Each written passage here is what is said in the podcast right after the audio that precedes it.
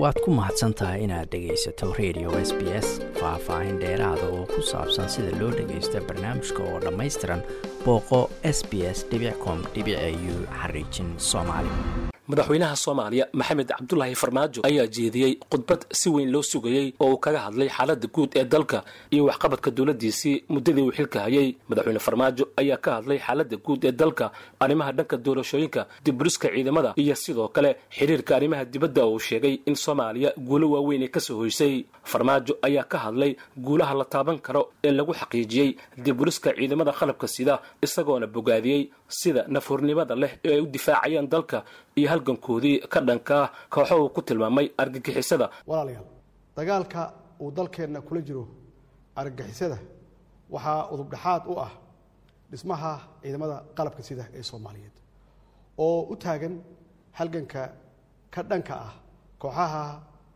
argagixisada ah ama arxanlaawayaasha ah ee caadaystay daadinta dhiigga shacabka soomaaliyeed iyo burburinta hantidooda. Anigoo taas ka duulaya waxaan dhexda aan u xidhannay dibudhiska ciidamadeenna oo ku shaqaynaya duruufo adag oo dhan kasta ah. Waxaan xoogga saarnay inaan diyaarinno hannaanka dhismaha ciidamada qalabka sida tayeenta tababarkooda iyo casriyeenta nidaamka maaliyadeed ee ilaalinta ama lagu ilaaliyo xuquuqdooda. Dadaaladaas iyo qorshayaashaas aan hirgelinay waxay horseedeen in maanta ciidamadeenna geesiyaasha ah ay awood u leeyihiin hanashada amniga dalka. Uuna gabagabo marayo qorshihii ay kagala wareegi lahaayeen. Amniga dalka ciidamada amisom oo u huray naftooda garab istaagga dowladnimada soomaaliyeed. Waxa uu ka hadlay arrimaha la dagaalanka musuq maasuqa iyo hufnaanta dhanka dhaqaalaha ee ay dowladdiisa ku tallaabsatay isagoona xusay in dayn cafinta soomaaliya ay marayso meel aada u wanaagsan. Waxaan meel gabagaba ah soo gaarsiinay tallaabooyinkii aasaaska u ahaa ololaha deen cafiska. Annagoo haatan sugayna miro dhalka dadaaladaas lagu cafinayay dhammaan deymaha culaysiyey dalkeenna. Taasi waxay u baahan tahay inaan sii ambaqaadno qorshayaasha hawshaas lagu sii dardargelinayo iyo inaan xoojinno dadaalada lagu adkeenayo dimuqraadiyeenta dalka oo ay ugu horeyso ku dhaqanka dowlad wanaag iyo hirgelinta doorashooyinka. Sida ballanqaadkaygu ahaa waxaan mar kale aan ku celinayaa inaan marnaba aynan aqbali doonin in lagu takrifalo hantida danta guud iyo ammaanada ay shacabka soomaaliyeed noo wakiisheen xaalad kasta oo aan ku sugannahay.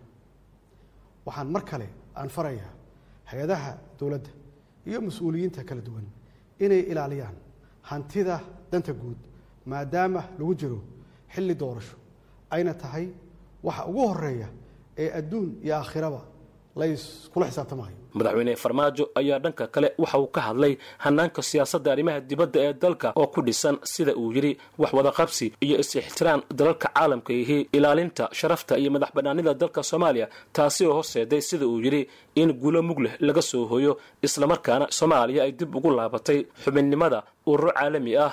Siyaasaddeenna arrimaha dibadda waxaan ku dhisnay wax wadaqabsi is-ixtiraam dalalka caalamka ah iyo ilaalinta sharafka iyo madax bannaanida dalkeenna.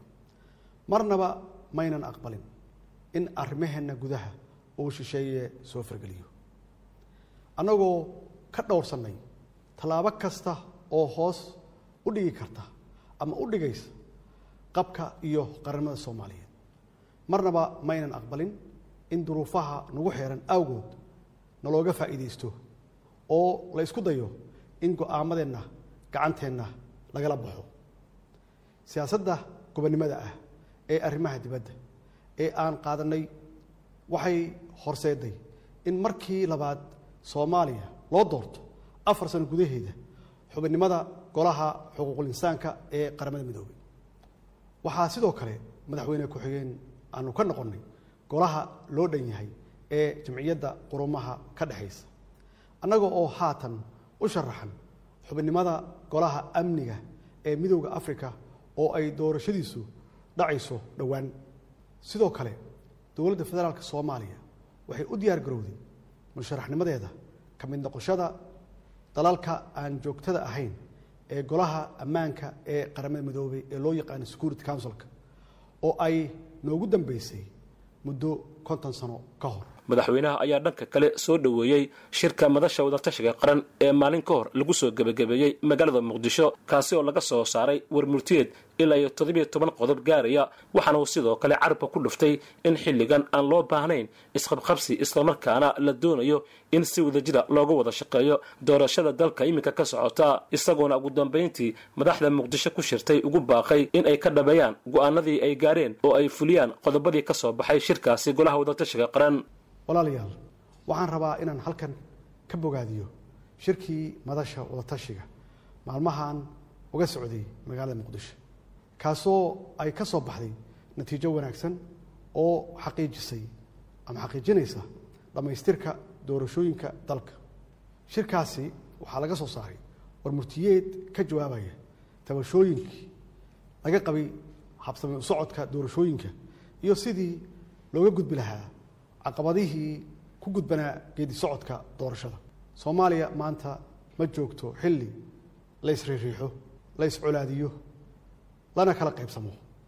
Dhammaanteen waxaa mas'uuliyad naga saaran ama naga saaran tahay inaan dhowrno sharafta iyo dowladnimada dalkeenna.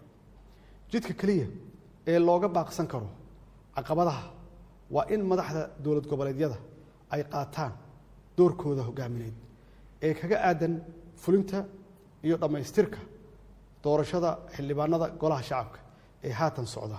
Madasha wadatashiga qaranka.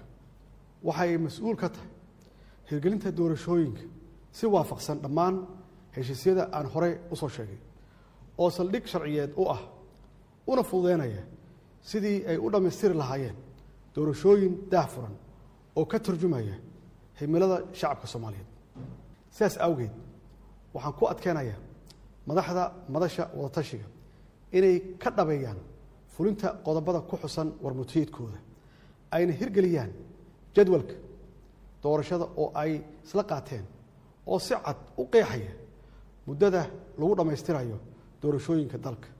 Mudanayaal iyo marwooyin shacabka soomaaliyeed ma xamili karaan isqabqabsi siyaasadeed iyo cagajiid lagu sameeyo hanaanka doorashada khudbadan uu jeediyey madaxweynaha soomaaliya oo si weyn loo sugayey ayaa ku soo aadaysa xilli weli uu jiro. Khilaaf isaga iyo ra'iisul wasaaraha iyo heedaha kale ee dowladda inkastoo shirkii madasha wadatashiga qaran laysku raacay ilaa iyo toddobiyo toban qodob oo arrimaha dhanka doorashada ku aadan.